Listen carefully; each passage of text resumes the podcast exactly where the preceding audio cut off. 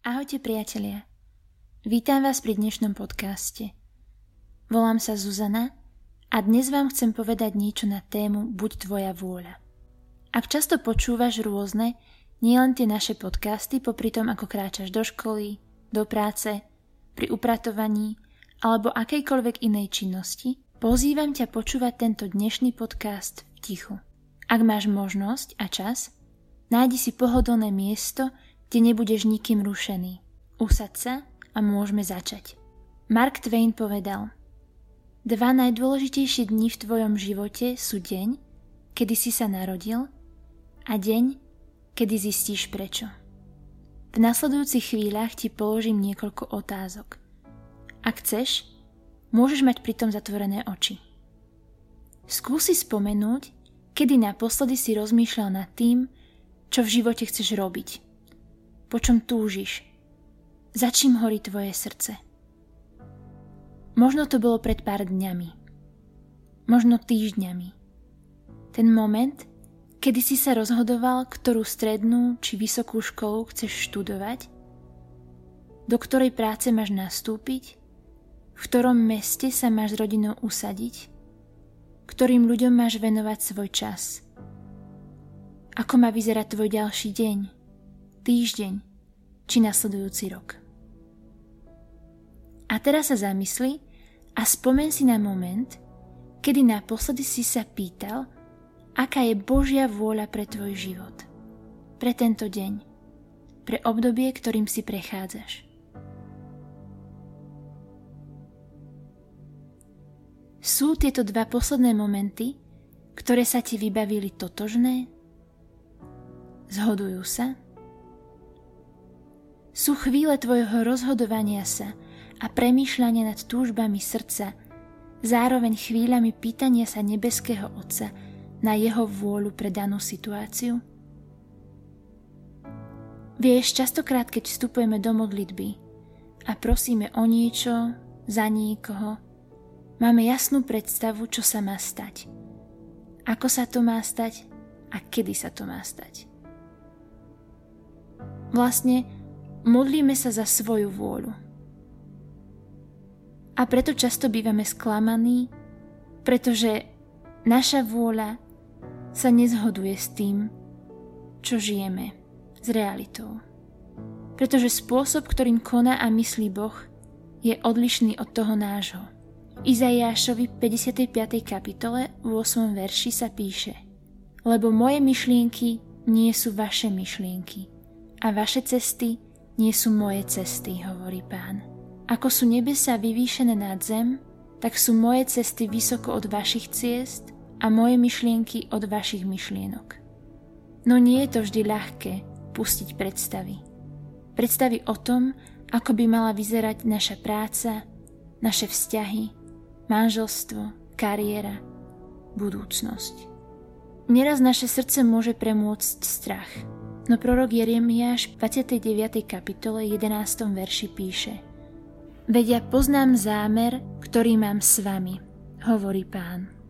Sú to myšlienky pokoja a nie súženia. Dám vám budúcnosť a nádej. Sám Ježiš nás učí modliť sa. Odovzdáva nám modlitbu očenáš. V Matúšovi 6. kapitole 9. až 10. verš. Vy sa budete modliť takto. Oče náš, ktorý si na nebesiach. Posved sa Tvoje meno, príď Tvoje kráľovstvo, buď Tvoja vôľa, ako v nebi, tak i na zemi. Buď Tvoja vôľa. Aké ľahké vysloviť. Je Boh len Bohom Tvojej modlitby? Alebo je Bohom aj Tvojho života? Ako premýšľaš o Božej vôli? Ako o výzve, nariadeniach či príkazoch, ktoré treba splniť, alebo ako o niečom príjemnom, o potešení, o spolupráci s milujúcim Otcom. Božia vôľa ako spolupráca s milujúcim Otcom. V nasledujúcich chvíľach by som žitie Božej vôle zhrnula do takých základných krokov. Na úvod ti chcem povedať, že akokoľvek by si si svoje plány a predstavy vyšperkoval. Tie Božie budú vždy lepšie.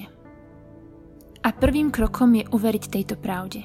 Uveriť, že najlepším miestom pre teba je byť uprostred Božej vôle. Mnohé túžby a sny vložil do tvojho srdca sám Boh, avšak môžu byť pokrývené našim egoizmom, sebestrednosťou, zranením. No ak nemáme zrelé srdce a dostaneme požehnanie, stúpne naše ego a nie ovocie Ducha Svetého. Preto je podľa mňa dôležité odovzdať Bohu naše túžby a sny. Odovzdať mu ich, nech ich očistí. A teda ďalším krokom je sloboda. Sloboda nie je v zmysle, že mám milujúceho otca a môžem robiť, čo chcem, ale sloboda srdca. Srdca, ktoré nie je naviazané na ľudí, pozíciu či materiálne veci. Slobodné srdce, ktoré vie, že všetko, čo má, dostalo od otca do správcovstva. Na slobodu navezuje ďalší krok – a to odovzdanosť. Príkladom odovzdanosti Božej vôli je nám samotný Ježiš, ktorý sa v Lukášovi 22. kapitole modlí. Oče, ak chceš, vezmi odo mňa tento kalich, no nie moja, ale tvoja vôľa nech sa stane. Nie moja, ale tvoja vôľa. V odovzdanosti sa môžeme pozrieť i na Máriu. Mladé dievča mala pred sebou z pohľadu sveta jasnú budúcnosť – Avšak prichádza Boží aniel, ktorý jej zvestuje, že počne a porodí syna. A Márína odovzdanosť sa prejavila v jej odpovedi. Vôľu prijíma, keď sa pýta, ako sa to stane, vedia muža nepoznám. Prijala Božiu vôľu a rovno sa pýta, ako ju Boh uskutoční. Pretože Božie plány nie sú záhadou, niečím skrytým, tajomstvom. Boh s nami nehrá hru. On sám sa túži deliť s nami o svoje plány, o svoje sny, Sám Ježiš hovorí v Jánovi 15. kapitole, 14. až 15. verš. Vy ste moji priatelia, ak robíte, čo vám prikazujem. Už vás nenazývam sluhami, lebo sluha nevie, čo robí jeho pán. Nazval som vás priateľmi, pretože som vám oznámil všetko, čo som počul od svojho otca. Ak sa odovzdám Bohu, on sa postará. Sám Ježiš hovorí, v Matúšovi 6. kapitole 31. až 33. verš. Nebuďte teda ustarostení a nehovorte, čo budeme jesť, alebo čo budeme piť, alebo čo si oblečieme, veď po tomto všetkom sa zháňajú pohanie. Váš nebeský Otec predsa vie, že toto všetko potrebujete. Hľadajte teda najprv Božie kráľovstvo a jeho spravodlivosť a toto všetko dostanete navyše. Božia vôľa pre nás je budovanie Božieho kráľovstva. Niekedy sa zameriame len na tú poslednú pasáž. Toto všetko dostanete navyše. Avšak najprv treba hľadať Božie kráľovstvo a jeho spravodlivosť.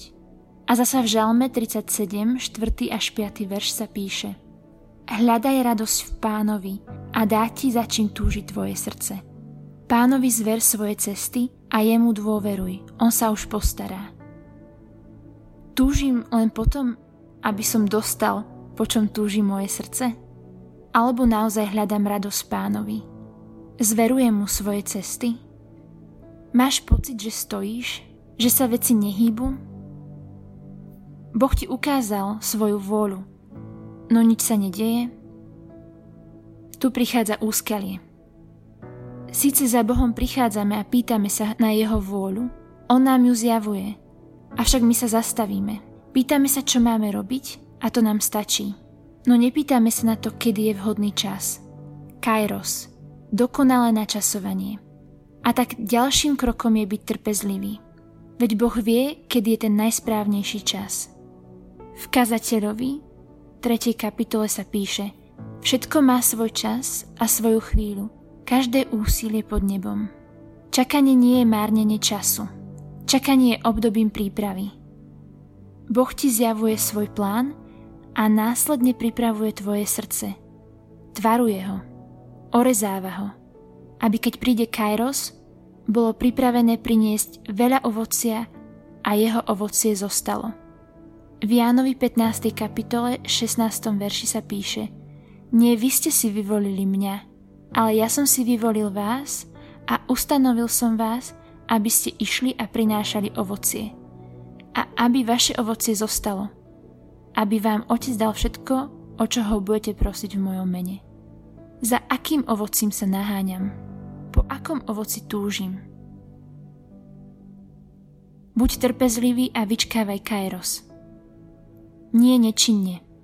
Ak ti Boh už ukázal miesto, kde máš byť, kam máš odísť, ak ti ukázal, že máš povolanie do rodiny, alebo akýkoľvek iný plán pre tvoj život, alebo pre toto konkrétne obdobie, nesklzni do beznádeje a zúfalého vyčkávania, ak sa nič ešte nedieje. Ale pýtaj sa Boha, ako ťa chce pripraviť. Čo chce počas tohto obdobia čakania orezať na čom chce ešte pracovať, aby keď príde pravý čas, tvoj strom priniesol veľa ovocia. Ovocie, ktoré ostáva. Ovocie, ktoré je naozaj zrelé. Ovocie, ktoré bude budovať Božie kráľovstvo a nie tvoje ego, meno či pozíciu. Dovol mi ešte v krátkosti sa pomodliť. Drahý nebeský Otec, Ďakujem ti, že ty si milujúci otec. A tvoja vôľa nie je výzvou, nie je nariadením, ale pozvaním. Tvojim pozvaním pre nás budovať Božie kráľovstvo. Prosím, obdaruj nás silou, aby sme dokázali pustiť naše predstavy,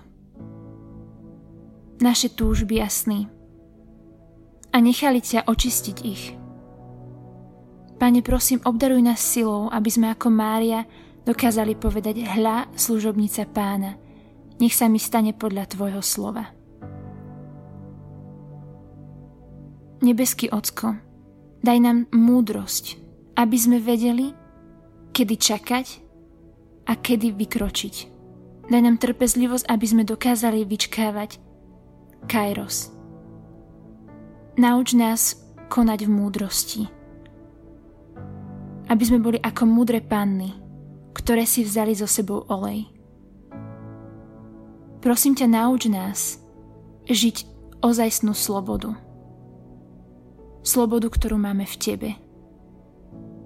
Amen.